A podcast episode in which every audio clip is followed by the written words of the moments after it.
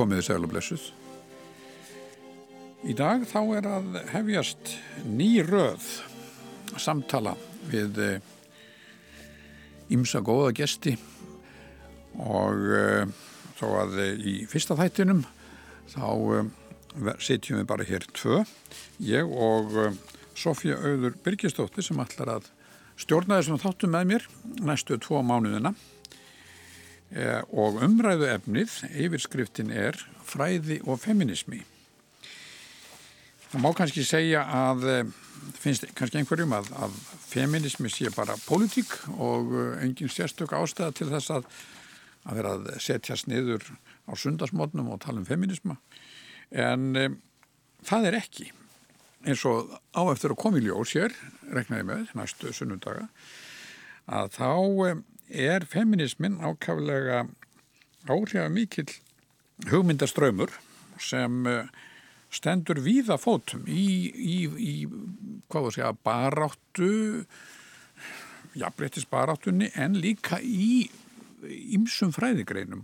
Og það er kannski ekki síst það sem við ætlum að hafa að leiðaljósi við Sofía Öður en um, hún er bókmyndafræðingur hún um, starfar sem fræðimaður við rannsóknarsettur Háskóli Íslands á höfni Hornafyrði og hefur kent við Háskóli Íslands um langt ára bil af og til ímist sem fastræðan stundakennari lausráðinn frá 2002 til 2008 sem aðjungt við íslensku skor. Nú, Sofja Öður hún uh, tók B.A.prófi í almennri bókmyndafræði uh, árið 1984 og Kant Magpróf í Íslensku bókmyndum 89 var síðan við doktorsnámi í almennri bókmyndafræði við University of South Carolina Columbia frá áraunum 89 til 92 og tók síðan doktorspróf í Íslenskum bókmyndum við Íslensku menningardelt Háskóla Íslands árið 2016 Sofí Öður er ákaflega virkur fræðimæður og hefur gefið út margar bækur og skrifað fjölda greina og bókarkabla og það að segja að feminískur blær sé þar á ymsu ef rendir yfir hennar, hennar skrá. Þar að segja rendar svo kannski undantekning með Þorberg Þorðarsson ég veit ekki hvað, hversu mikil feministi hann var en eh, hún skrifaði doktorsitgerð sem var síðan gefin út á bók. Ég skapa, þess vegna er ég sjálfsmyndir sköpun og fagurfræði skrifum Þorbergs Þorðarssonar. En 89 þá var hennar rítgerð í Kant Mag rítgerð móðurmynd í íslenskum skáldsögum. Um, og þann kannski ástættis að nefna að núna innan skamsnún í höst þá er von á, á bók frá Sofí Öði hjá háskólaútgáfinni Madama Kerling fröken frú konur íslenskum nútíum bókmyndum. Það er aðtiklisvert og þið kannski kannast nú hlustendur við Sofíu Öði sem gaggrínanda bæði hér í útvarpi og, og blöðum og tímarittum. Það er langur og mikill listi. Hún hefur víða komið við í, í umfjöllun sinni um íslenskar bókmyndir og um, hún hefur hlotið ymsar viðkenningar fyrir störf sín og, og, og styrki sem ég ætla ekki að fara út í hér en mér langar bara til að bjóða þig velkomna til samstarfs Sofjöður og það er eiginlega sko fræði og feminismi þetta umræðu efni nú veit ég að þú og, og mér er eitthvað minni til þess að þú hafður umsjón með útastáttum fyrir allir nokkru síðan um ímsar stefnur í feminisma og gafst síðan og eiginlega vannst þetta upp í greinar um hvað var að segja, tengsl feminisma við já, fræðigreinar eða kenningar, lífsviðhorf eða hvað þú að kalla það.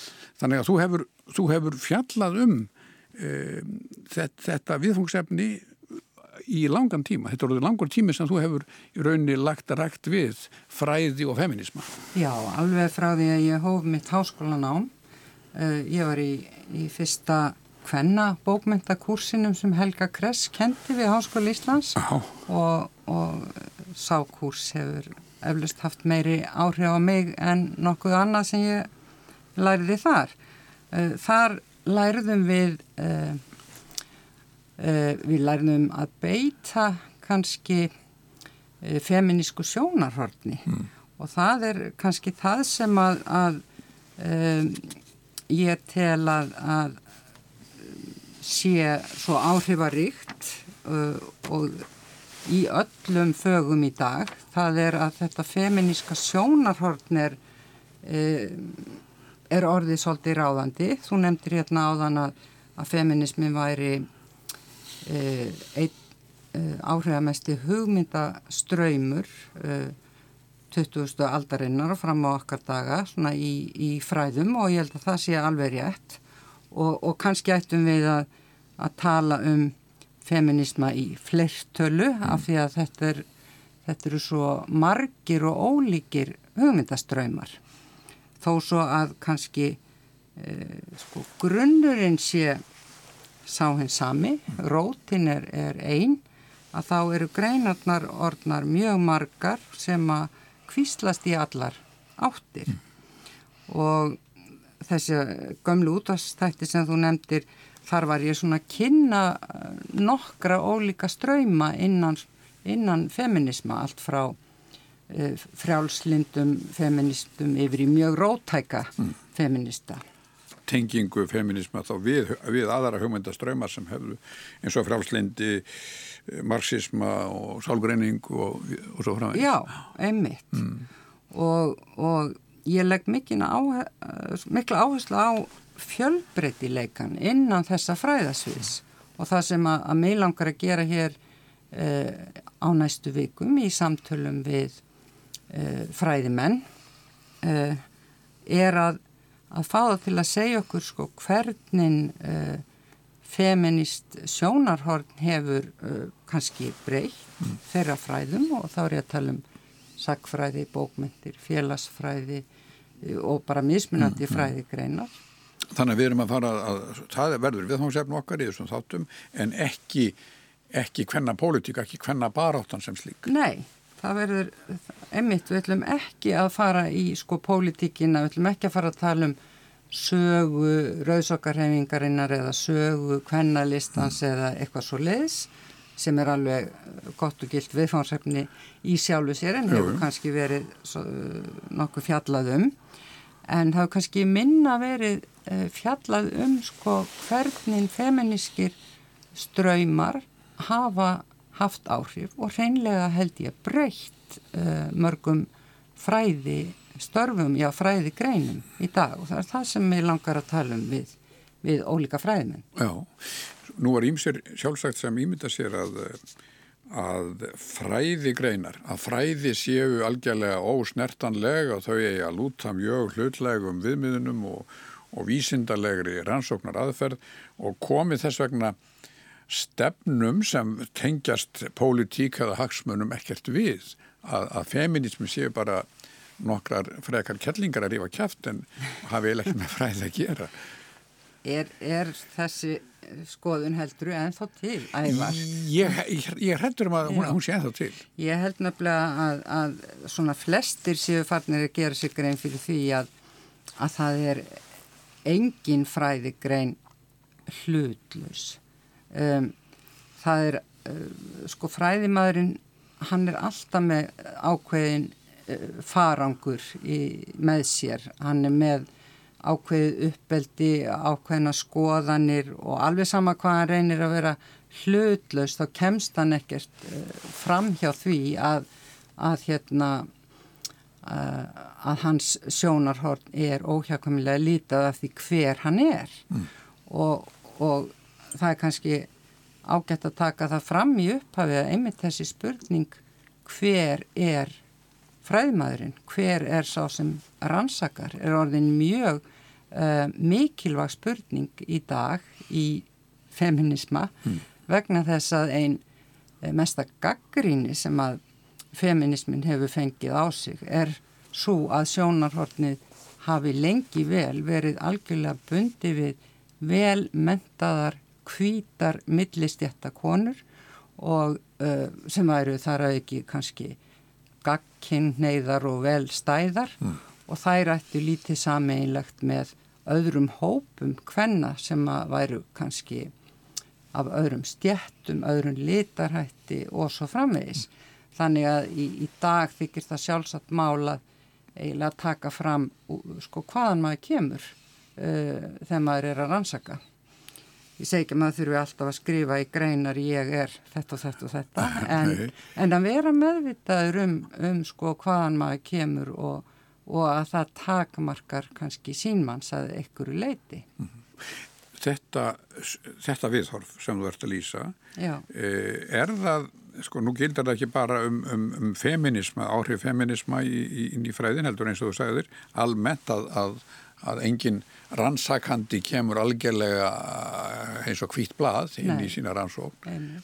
En hefur, hefur þetta orðið kannski eða náð almennara samþykki í, þegar kemur að feminisma heldur en til dæmis segjum pólitíkir áður fyrir eða einhverju slík? Ég held það, ég held að, að, að allan að þeir sem að, að vinna út frá feminísku sjónarhóttni séu sér mjög meðvitaður um þetta. Mm. Það eru kannski eh, frekar þeir sem að tilheyra svo kallum raunvísindum sem að uh, telja sig kannski frekar um, geta verið beitt hlutlausu sjónarhóttni e, þeir sem að stunda svona empiríska rannsóknir mm. e, en ég held að jáfnveil það sé miskilningur og þetta kannski tengist líka e, hugmyndum um sannleika að það, að, að, að það er ekki hægt að halda fram einhverjum einum sannleika sannleikarnir eru margin eins og feminismarnir já, í, í raun og veru eftir hver er að skoða. En mér er svolítið skemmtilega að saga varandi eh, ef við tökum læknavísindi sem já. að telja sér nú vera hlutlaus vísindi satt? að það er einn fræg feminísk grein sem að er, er svona analýsa á orðræðu lækna um getnað. Mm. Og þar er sínt fram uh, bara með því að taka kennslubækur og, og, og læknisfræðilega orðræðu þar er sínt fram á hvernig sko egginu í koninu er líst sem passífu sem að býður bara gerir ekki neitt mm. bara býður eftir sko innrásar hér hinnar aktífu sterku sæðisfrömu þar sem er keppni í gangi og, og svo vinnur eh, einn sko mm. þannig að þarna er sko karl og hvenn eh, sko hugtökin einhvern veginn alveg yfirfærð á vísindin mm. og, og hérna þarna er sá sem skrifar náttúrulega lítaður af fyrirfram gegnum hugmyndum mm. um hvað er karllegt og hvað er hvennlegt. Já, já. Þetta var bara svona dæmi. Já, já, já. Og ég höfst að reynda að, að mjög mörgum íslendingum hafi Eh, sko þarna fyrir hvað verður mörg ár síðan að platan áfram stelpur kom út. Að, að sko sögu sko svo gaggrinni sem það kemur fram á, á sögu skoðun Íslandinga Já. sem er náttúrulega dásamlega fyndin og skemmtileg og, en ég hugsa að það er nú jafnvel þessi svona hálfkæri svona, þessi, þessi texti sem er nú svona ortur í hálfkæringi að hafi nú opnað augu í misa Já, já, alveg áraðinlega og, og og þá ert að vísa til sko, veitum kannski aðeins að fara í það að, að feminismannum verður oft skipt í bylgjur Jó. það er talað um fyrstu bylgju feminisma, aðra bylgju þriðju bylgju og núna séum við í, jáfnvel, í fjóruðu bylgjunni mm.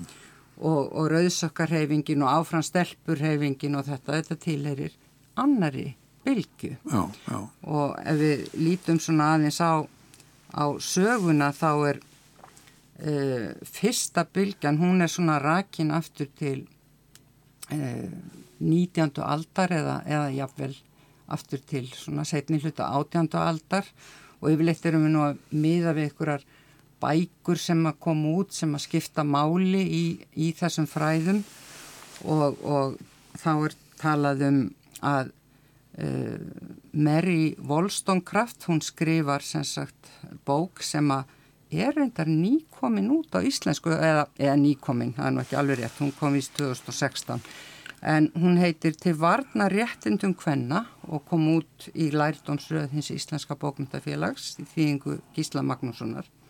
Og þessi bók er svo sem að er talin vera marka upphaf fyrstu bylgu feminisma því þarna er Mary Wollstonecraft, þessi breska kvenréttinda kona sem er nú líka þekkt fyrir að vera uh, mamma Mary Shelley sem skrifaði Frankenstein já, já. Uh, og stundum kallu Amma Frankensteins þess vegna, en það er nú annu saga en, en Mary Wollstonecraft hún tilheyri sem sagt fyrstu, fyrstu bylgi feminisma uh, þar sem að við getum líka að talað um hún fellur undir það sem við kallum frjálslindan feminisma sem er tengdur liberalismanum frjálslindi stefnu og þetta er kannski það sem margir myndu tala um sem hefðbundna kvennréttindastefnu. Uh, þetta er þá stefna sem blómstrar á Englandi og víðar á 19. öldinni en, en sækir sem sagt grundvöld aftur í verk heimsbygginga eins og Thomas Hobbes og John Locke og, og sagt þetta ritt Mary Wollstonecraft er grundvallar ritt þessara stefnu og, og kannski má nefna annað eftir landa Mary Wollstonecraft heimsbyggingin og feministan John Stuart Mill og sem að heitir Kúin Kvenna og kom líka út í lærdómsröð uh, bókmentafélagsins. Ég má til og með skjóta því að, hérna, að, að landi okkar Magnús Eiríksson sem kallaði var Magnús Frater og lifði sinn aldur mest í Kaupanahöfn á 19. öld.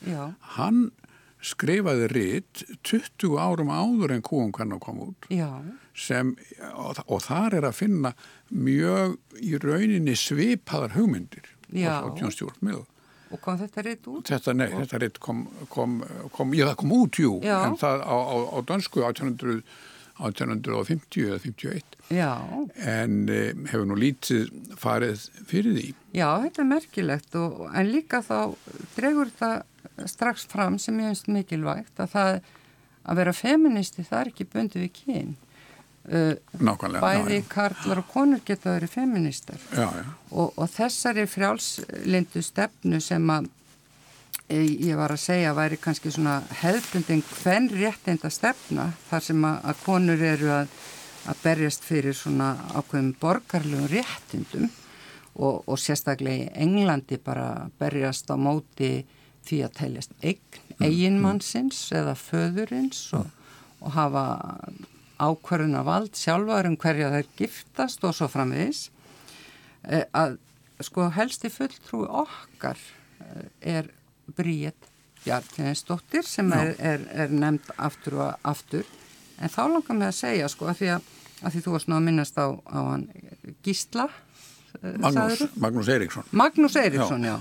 Magnús Eiríksson að Bríett Bjartinsdóttir sem að heldur frægan fyrirlestur í desember 1887 um, um réttindi kvenna mm. að þremur árum áður, áður hafi Guðmundur Hjaldarsson sem að var fyrirlesari og, og farkennari hann hafi þremur árum áður byrkt greinaflokk um, um réttindi kvenna Já. þannig að, að, að það er mjög gaman að sjá það að það eru bæði karlar og konur sem eru að, að, að benda á þetta. Já, sko þarna Sofía ert þú, þannig ertu að, að þannig ert það þá í fyrstu bylgjunni. Já, já. Og, og ef við aðeins, ef við, ef við rennum yfir já, þá sögu, og hvenar, hvað er svo önnur bylgjan? Það sem við tölum um sem aðra bylgi feminismas, það er eitthvað sem hefst á sjönda áratugnum og, og varir hérna, við getum talað um, um sko, hún tengist vinstri róttækni og hún tengist rauðsokkarhefingunni mm. og hugsa um hippana og, og svo framvegis og, og reyndar sko getum við talað bæðum rauðsokkarhefingunni og kvennalistan ef við erum í íslensku samhengi sem hluta af annari bylgu og við getum farið sko svona svolítið hratt yfir þetta að þriðja bylgjan er svo talin hefjast á tíunda áratögnum og að hún rýsa með eitthvað svona svar við því sem að, að annari bylginni mistókst í þriðibylgu ríkir andúð og eðlishyggju þar að segja að, að konur séu eðli sínu eitthvað öðruvísi en, en kallmenn sem var nú til dæmis eitt af því sem kvennalistin lagði áherslu á, einhvers mm. konar eðlishyggju og mæðrahyggju að við ættum að hafa kvennileg gildi að leiðaljósi. Uh, Sumir myndu uh, segja að, að, að þriðjabylgjan sé jafnvel ennþá ríkjandi en aðri segja nei við erum komin yfir í fjóruðubylgju og tala jafnvel um postfeminisma uh -huh. og, og við komum kannski að því setna hvað, hvað það þýðir en það, þetta þá snýst um þá bara ólíkar áherslu já, já. fyrst og fremst. En, en, en að því að þú, þú varst að tala um varandi fyrstu bylgjuna um, um höfunda á 19. öldinni þú talaður um, um frjálslindan svona frjálslindan feminisma Já. sko nú er það þannig að, að það er ákveðin tilneying til þess þegar gaggríni kemur fram að að eiginlega afgreða stundum að reyna að afgreða alla gaggrinni sem bara bölvaðan kommunisma eða ítaði einhvern veginn svona, svona svolítið út af þess að almenn, hvað segja, almenna eh, sviðinu eða svæðinu sem hægt er að tala saman á. Til, og það þekkjum við náttúrulega bara frá dögum kaldastriðsins bæði á Íslandi og annar staðar þá Já.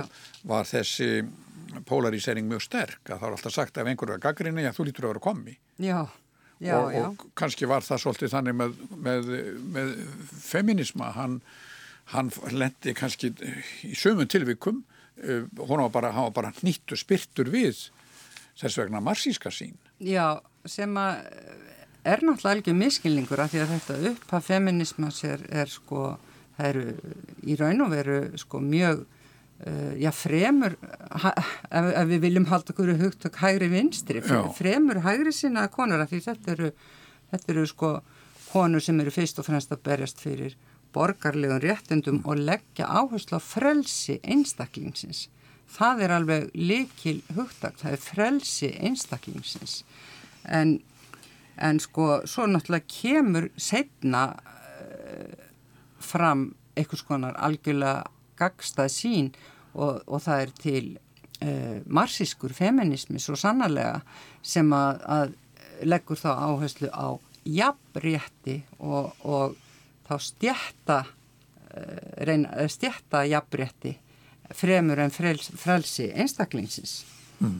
en, en sko svo eru aðrar konur sem að, að sko róttakarkonur, vinstri sinnaða konur sem að sögðu að, að marxismin hann bara gæti ekki e, nýst feministum vegna þess að, að hann tæki hvern frelsisugmyndir aldrei inn. E, hann væri of upptekinn af, af því að horfa á e, stjættamismun mm. og hefði engan áhuga sérstakann á réttundum hvenna og upp úr þeim hreyfingum spretta svo e, sprettur hinn rótæki feminismi og nú þegar ég segi rótæki feminismi þá kannski hugsa margir um kommunisma og marxisma en það er ekki það sem ég er að tala um. Sko rótækir feministar eru rótækir að því leiti að þær sem að lengst e, vildu ganga þar, já þær voru nú eiginlega alveg búin að gefast upp á, á e, kallmanninum. Honum var ekki viðbjargandi þegar kemur að hvernferðslismálum Þannig að þær sem eru allra róttakastar í þeim feminisma þær um, bóða þá bara einhvers konar kvennasamfjölu, lesbisma eða allavega já og, og jáfnvel sko uh, vildu bara sáu fram að það að tækni gæti alfarið séðum um getnað þannig að konur þurftu bara ekkit á, á karlmönnum að halda. Það er mikið selvur ekki, já. En þetta er náttúrulega sko þú getur rétt ímyndaðir að það er ekki margir feminista sem myndu vilja skrifa undir, undir þetta. Þetta er hinn allra, allra róttekasta eh, sín, getur við sagt. Já, já. Þannig að við erum, það, það, það, þú er nefnt þarna ákveðna svona frjálslinda, frjálslinda, jáfnvel borgarlega hefð, það er eh, marxísk hefð sem tengist á einhverju leiti stjættabaratu, verkliðsbaratu og svo þessi aftur rótækastefna sem, já, er, já, sem segir bara gefum skít í kallveldi bara hvað sem það, hérna, já, já, það, hvað sem það finnst. Það verður að viðkennast að þetta er til líka í, í þessum strömmum sem að vonandi þá sýnir okkur strax hvað, hvað við erum að tala um margar ólíkar stefnur. Og svo náttúrulega fyrir utan þetta að þá koma alls konar eh, önnur sko kenningakerfi inn og hafa áhrif á, á feminisma eins og til dæmis uh, Freud og sálgreiningin hún hefur gríðarlegar áhrif á, fem, á, á feminista og, og það sprettur svona alveg upp ákveðin hugmyndaströmmur út úr því. Um, og svo uh, sko postmodernismin hugmyndir um að það sé ekki til algildu sannleikur og svo framist þá koma inn sko hugmyndir úr heimsbyggi þannig að feminismin er svona, hvað ég var að segja, einhver svona meginströymur sem að alls konar ár renna í, getum við sagt og hafa þá, brey, hafa þá áhrif á, á flæðið. Já, finnst, þér, finnst þér þetta að vera þannig að, að það hafi ýmsar kvíslar eða kvíslar úr ýmsum áttum Já. hafi komið saman í þetta fljóð sem hægt er að tala um sem feminisma? Já, og svo En- kvíslast það kannski, A- kannski aftur, aftur, aftur líka sko. En svona megin ströymurinn er alltaf svo sami og það er bara einfallega svo uh, trú að uh, konur eigi sama rétt og kallmenn uh, bara í því að, að uh, njóta sín og, og, ég bara eigi allan rétt sama og kallmenn og eigi að, að njóta sömu launa og sömu réttinda og sömu kjara, sömu virðingar og það er alltaf svo hugmynd sem að kannski allir myndu skrifa undir. En, en svo er náttúrulega frá á ólíkum tímum eru ólíkar áherslur. Þær sem koma fyrst þurfa bara að berast fyrir ákveðnum borgarlegum réttindum, fyrir kostningarétti og svo framvæðis. Svo kemur hérna baráttan fyrir uh, launum og virðingu sem að því miður verist engan enda ætla að taka. Og uh, náttúrulega þær sem að byrja að, að, að berjast fyrir því að, að konur séu ekki lokaðar inn á heimilum og fá ekki að menta sig. Eins og Mary Wollstonecraft sem að ég nefndi hérna fyrst, hún, hún er með mjög flotta líkingu í sinni bók að konur séu allana, konur að borgarastjætt þarna séu eins og fugglar í búrum og þær hafi ekkit við að vera nema snirt á sér fjæðurinnar. Þetta sjáum við strax að það sé, þetta á náttúrulega við bara einn lítinn hóp forriðtinda hvenna, þá voru nú vissulega konur á þessum tíma sem að þurftu að þræla fyrir, en, en sem sagt, hún vil að þessar konur fái að fara út af heimilinu, ráða sér sjálfar, að menta sig og svo framvegis. Og svo ég nefni nú einhverja svona nýlegri konu en hana að, að eitt svona annað rít sem að marka skili í feminisma er rít eftir hérna bandarísku Betty Friedan, The Feminist Mystic sem að ég vil nú bara kalla hérna feminísku blekkingu, eh, nei ekki fyrirgeðu, ekki feminísku blekkingu heldur hérna kvenlegu blekkingu. Og, og sko svo bók er skrifuð eftir setna stríð. Og þá datt Betty Friedan í hug að leita uppi konur sem hefðu verið með sér í háskóla og aðtöða hvað þær var að gera. Og þá komst hún að því að þær voru flestar heimavinnandi með börn fengu ekki að nota mentu sína voru óhamingjusamar, þunglindar fráskildar kannski. Allavegana þá blöskraði henni hver útkoman hafi verið og, og skrifar þessa bók til að, að reyna að kanna ástæður þess. Og, og þetta það er kannski mjög flókið vegna þess að inn í þetta kemur uh, svo, uh, kemur sko stríðið eftir, þegar að kallmennu voru í burt í stríðinu þá fengur konur nóg að gera mm. og var allt í einu þörf fyrir þær út í atvinnulífinu en þegar stríðinu var lokið þá þurfti allt í einu heimilið mjög mikið á konum að halda aftur og þær þurfti að elda flokna máltíðir og, og batna uppeldi var uh, mikilvægt og svo framvegis. En það sem að hún kannski gleymir að krefjast í þessari bóksinni um hérna uh, kvenlegu blekkingu er að hún gleymir að krefjast sko e, úrlausna fyrir konur sem vilja fara út að vinna. Það er að segja e, og það er ennþá vandamál í bandaríkjunum að það er lítið um dagheimilisplás. Það er eiginlega ekkert fæðingar orlof. Þannig að, að þegar að konur fara á, um miðja 20. öld að menta sig og vinna úti þá eru þar í hverju eru þar þá lendar í algjörlega tvöföldu uh, vinnuálagi vegna að það glemtist líka að einhvern veginn uh, fá kallmennina með í lið að fá þá til að taka að sér uh, hluta heimilishaldsins þannig að, að, að setna skrifaði þessi frægi feministi uh, aðra, aðra bók þar sem að, að hún svona dróðsóldi í land mm með það sem hún hafi skrifað þarna fyrst. Það er aðtíklisvert í, þess, í þessari sögu að, að frá, því, frá fyrstu bylgjunni sem þú nefndir áðan uh, yfir í þá nummer tvö þetta er svo langur tími Já. þetta er næstu öll Já, meirinn öll. Eða meirinn öll. Og þá er þetta, og, og, og á þessum tíma þá gerist nýmislegt. Bæði gott og vond, það eru háðar tvær heimstyrjaldi. Já.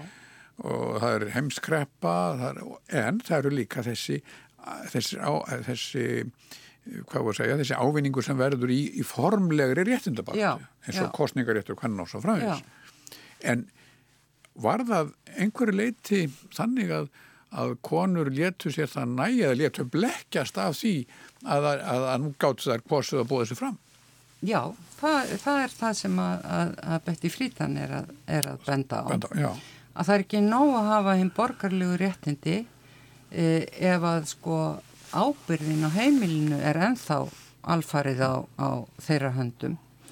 Það, það er að segja, kallmenninni þurfa að koma eh, með í barnduna. Þeir þurfa að, að axla líka ábyrð á heimilistörfum og, og passa að, að öll vinnan lendi ekki á, á konunum.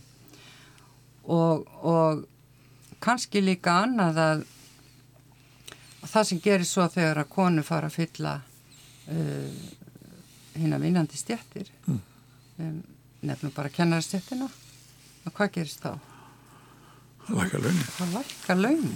Þannig að, að það er þessi virðing sem fylgir ekki.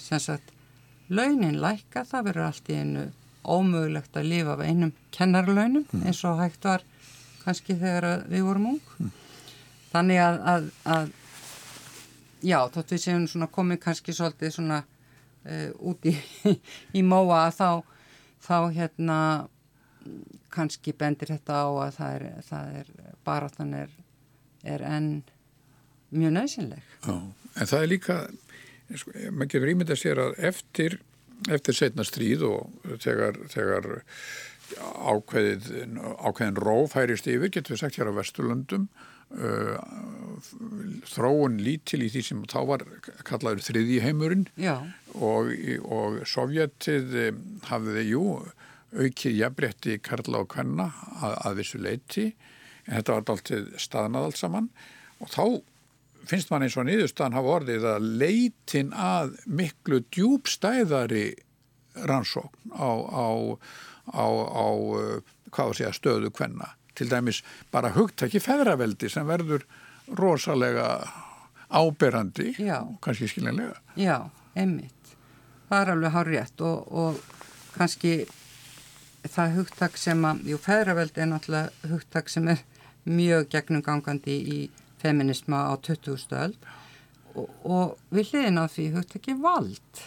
Jú. Af því að þetta er náttúrulega spurning um hver hefur valdið mm og, og þeir sem eru handhafar valdsins eru afar ófúsir til þess að láta það hendi eða deila því uh, þannig að að hinn fræðilega greining hún fer mjög mikið að snúast um, um þetta og hún leið líka um sko tungumálið mm. af því að það að geta uh, beitt tungumálið felur í sér, eh, felur í sér vald og, og alls konar svona orðræðu greiningar fara að stað í, í fræðum.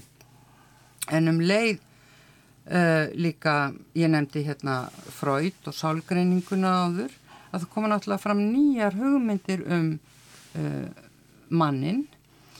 Það er að segja í fyrstu bylgu feminismans þá er alltaf talað um einstaklingin sem heilstæðan og, og frjálsan og, og svo framvegis, mm. frelsi einstaklingsins eins og ég sagði er, er leikilorð. En svo kemur sko sálgreiningin og þótt að mörgum sé illa við fröyd þá getum við ekkert neyta þeim gríðalögum áhrifum sem að hann hefur á öll fræði uh, og hann hugtök eins og undir meðvitund, ómeðvitaðar, tilfinningar og, og þrár og, og sko er orðin okkur mjög töm í, í dag og við, við tölum ekki lengur um henn frjálsa einstakling, við tölum um hugveruna sem er háð ómeðvitun, löngunum undir meðvitund og, og þannig að, að sko tungumálið og hugmyndur okkar um manniskin að fara að fá svona æg meira vægi í uh, feministri uh, orðræðu og greiningu.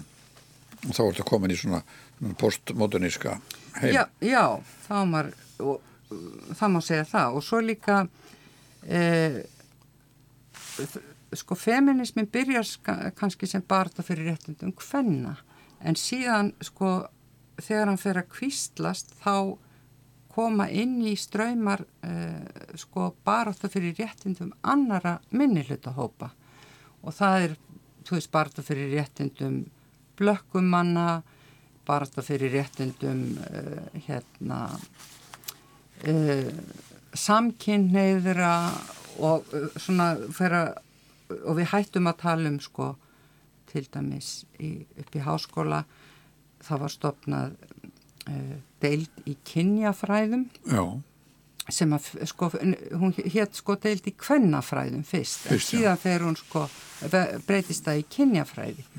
Og auðvitað fara kallmenn líka að að koma inn sem kyn. Þeir voru alltaf sko þeir voru bara normið þurfti ekki að rannsaka þá. Og konur voru hitt kynið þetta sem að þurfti að rannsaka. En það verða líka til fræði sem að kallast karlafræði eða men's studies. Sko þessi þetta með tungumálið það er svo ég, ég hugsað mjög margir hafið hrokkið alltið íllilega við þegar auður eir sér á auður eir sem var fyrsta kona sem var víð til prests á Íslandi mm. þegar hún eh, fór að tala um Guð í kvenkinni og sem er mitt eh, kannski sínir nöðsinn þess að, að skoða hugtökin sem við notum dagstælega og þessi frægi ameríski feministi Mary Daly Já. sem sagði sko ef að ef að Guð er fadir þá er fadir en Guð Já þar að segja Já. að það sé svo hættulegt að, að þetta, þetta orðalag, þetta verður alltaf að tala um föðurinn Já. sem hinn hin æðsta, hestraðandi að það gefi þá kallkyninu svo mikil völd, ósjálfrátt Já, tungumáli skiptir alveg óendarlegu miklu máli og, og, og postmodernistar eh, margir haldaði fram að að það sé raun og er ekkit utan tungumálsins mm. við getum ekki, við bara tungumálið skapi okkur sko mm. eða tungumálið tali okkur frekar en, en við það en, oh, en já sem er aðtilsvert sjónarhóttn og, og við höfum nú tekið eftir hefur ekki tekið eftir breytingum bara nýlega. Það er til dæmis maður er farin að heyra í, fjölmjölum talaðum eh, sko við öll og þau öll, fremur en allir, við notuðum svo mikið kallkynnið í, í íslenskunni. Og biblíuþýðingin frá uh, sko nýja biblíuþýðingin, þar, þar er búið að þá er það sískinn góð og svo framins. Já, einmitt, ég sjálf, sko, þótt ég sem ekki versar í Guðfræði þá er alltaf, mér finnst þetta svolítið merkileg þessi heila þrenning, fadir, sonur og heila randi og velt fyrir mig hvort það hafi ekki átt að vera fadir móðir og sonur. Já, eða fadir, fadir, sonur og móðir móðir. Eða já, já, en það er nú annars að en þú nefndir Mary Daly hún myndi tilhæra þeim ánga sem að, kalla þeirri róttakur feministi og sko Mary Daly hún, þú nefndir að hún var í guðfræði, guðfræðingur. Hún er sko með, með tvær doktorskráður önnur í guðfræði og hinn í heimsbyggi og, og hún skrifaði mikið um til dæmis læknisfræði. Og, og spurði það því akkur ekki til eitthvað sérgreinina læknisfræði sem heitir Karl sjúkdómafræði akkur er bara til eitthvað sem heitir Kvenn sjúkdómafræði og hún sérsagt vildi benda á það að að, uh, að hún telur það að afskipti lækna af kvennlíkamannum séu sko hafi haft gríðarlega áhrif. Þeir sko þegar við fundið upp uh, sko reki ljósmaður í burtu frá henni fæðandi konu og sagt henni að leggjast á bakið upp og þröngan bekk og fæða þannig svo að þeir ættu góðan aðganga líkamannum en þótt að veri kannski anstætt náttúrulagmálinu að fæða liggjanda á bakinu. Og hún sess að hún gaggrínir mjög afskipti kallmanna af líkama hvenna og hvernig þeir vilja ráða yfir honum. Og við þekkjum þetta náttúrulega í gegnum söguna e, fótabindingar í Kína umskurð í Afríku og víðar í muslinskum löndum. Og, og allt þetta e, sko þetta er svona kannski dæmi um e, einn ánga af af feminisma, það er að draga fram einhvern veginn að konur að krefjast yfir á það yfir sínum eigin líkama. Mm. og náttúrulega lögum uh, þungunarof eru, eru partur af því þannig að allt er þetta hluti af, af feminískri baráttu líka en Mary Daly hún uh, hún hérna þótt að uh, við getum sagt að svona vestræn hvenn sjúkdómafræði hafi verið hennar helsta uh, skotmark að þá var hún eina þeim sem að eh, varð svo rótæk að hún sá enga leið fyrir kynin til að geta átt samleið. Nei. Já, það, það, það, það er kannski ákveðið, á, sko, það er eitthvað svolítið rökrétt kannski, menn eru mjög rótækir þarna. Þetta er bara að eiga við þess að kalla. Já. Og reyndar, reyndar um, að þú nefndir um, muslima, þar að segja, uh, nú er það náttúrulega vitað að þekkt að að feðraveldið, að þessi þrjú abramísku þrenn trúabröð, kristni, gíðingdómar og, og Íslam, Já. að þarna auðvitað er, þarna er í öllum þessum trúabröðum er kert mjög ákveð á feðraveldið. Já. Þannig að, að það var kannski skiljanlegt að Mary Daly og aðeir mjög róttakir feministar gætu bara hreinlega ekki ekki bara hægt að koma nálat kallmannum en líka sko Guð almatugum og, og allir menningar sögunni getur við sagt. Og jáfnvel þó Kristur hafi, hafi reynd eh, að koma með kærleiksbóðskap og, og, og hafi haft konur í sínum söfniði að þá kannski e, þeir sem að eftir honum koma e, þeir kirkjufeðurnir þeirra mm. tólkun verður þannig að, þeir, að þeim tekst einhvern veginn að útiloka konur aftur. Já, já, já. Það er, það er sekt, feðraveldið er sekt. Það er sekt. Mm. Og við munum vonandi uh, tala við Guðfræðing líka í mm. okkar, okkar uh, uh, samtölum. Já, þá kannski ég mitt, uh, sko, við ættum kannski svo fjöður að, að ef við aðeins, sko, við erum búin að fara svona dáltið fram og tilbaka en nefna hérna ímsa ströyma og, og eins og ég, ég skildir rétt og þá er, þá er þá er, semst, þá er fem, feminismin ekki einn heldur, hann er, hann er margir, hann er margir. Og, og það er ákveðin tímabil líka, það er alltaf rekja og grein ákveðin tímabil. Í okkar þáttum hérna framöndan næstu tvo mánuðina Já. hvernig eiginlega, hvernig var að fara að? Hvernig viltu fara í þetta? Já, ég vil fá til mín uh, fræðimenn sem að standa framalega á sínu fræðasviði og sem að beita feminísku sjónarhóttni Uh, mér langar að spurja þá uh, kannski að því hvernig þeir urðu feministar mm. og hvernig þeir kynntust feminískum fræðum, hvernig þeir hafa beitt því á sín fræði og, og, og hvernig kannski að það sem ég veitna mestan áhuga líka á að vita er hvernig feminísk fræðilega nálgun hefur uh, umbreytt viðkomandi fræðasviði mm. uh, að því að það sé ég svo greinilega í, á mínu eigin fræðasviði sem eru bókmyndir hvernig uh, hinn feminíska nálgun hefur gjörsanlega umbylt bókmyndaransóknum mm -hmm. og það bæði hjá uh, konum og, og karlmennum. Já. Er, þú nefndir áðan að, að það hefði verið stofnum deild við Háskóri Íslands var, kalluð, sko, það var talað um kvennafræði en er þetta breytt í kynjafræði Já. er hugsanlegt að, að við séum komin þar í sögu að, að þetta talum kvenna eitthvað.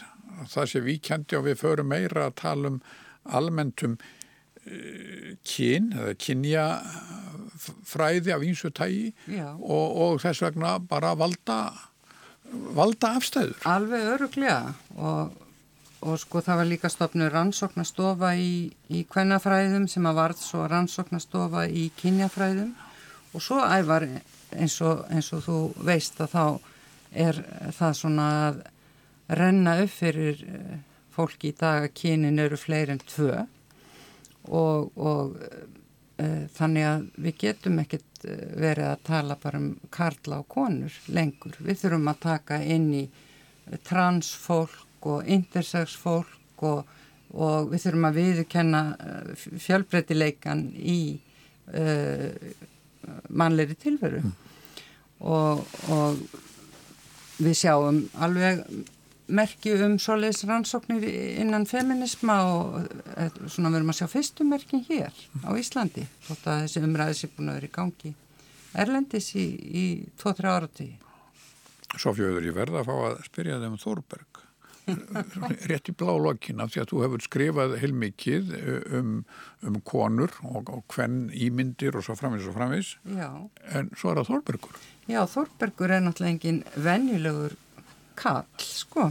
Ha, hann lýsir því mjög fjálglega þegar hann var uh, fannst hann vera óléttur þegar hann var úlingur og uh, þannig að hann nei, það er, nú, það er nú kannski, ég tólka það sem dæmisögu, hans eigin dæmisögu um sköpunargáuna og sköpunarkraftin en Þórbergur hann afbyggir karlmennsku í sínum verkum.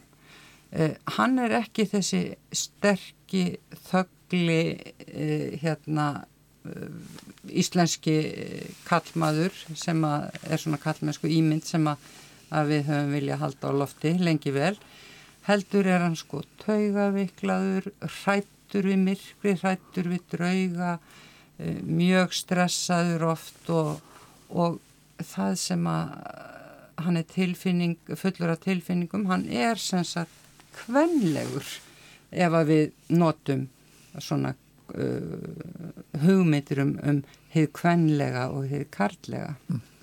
þannig að Þannig að þér fannst þetta að vera Þorberg vera mitt viðfóngsefni feminísks bókmyndafræðis Algjörlega, hann er bara svo skemmtilegur líka, það er svo gaman að fást við hann Já, hlustendur góðir þetta, þetta verður skemmtilegt vona ég og ég er næstu vissum það að, að Sofía Auður Birgisdóttir að hún uh, býður til okkar hér eh, til samtals skemmtilegum fræðimönnum til þess að ræða fræði og feminisma. Sofíu Birgistóttir þakkaði fyrir í dag. Takk er leiðis.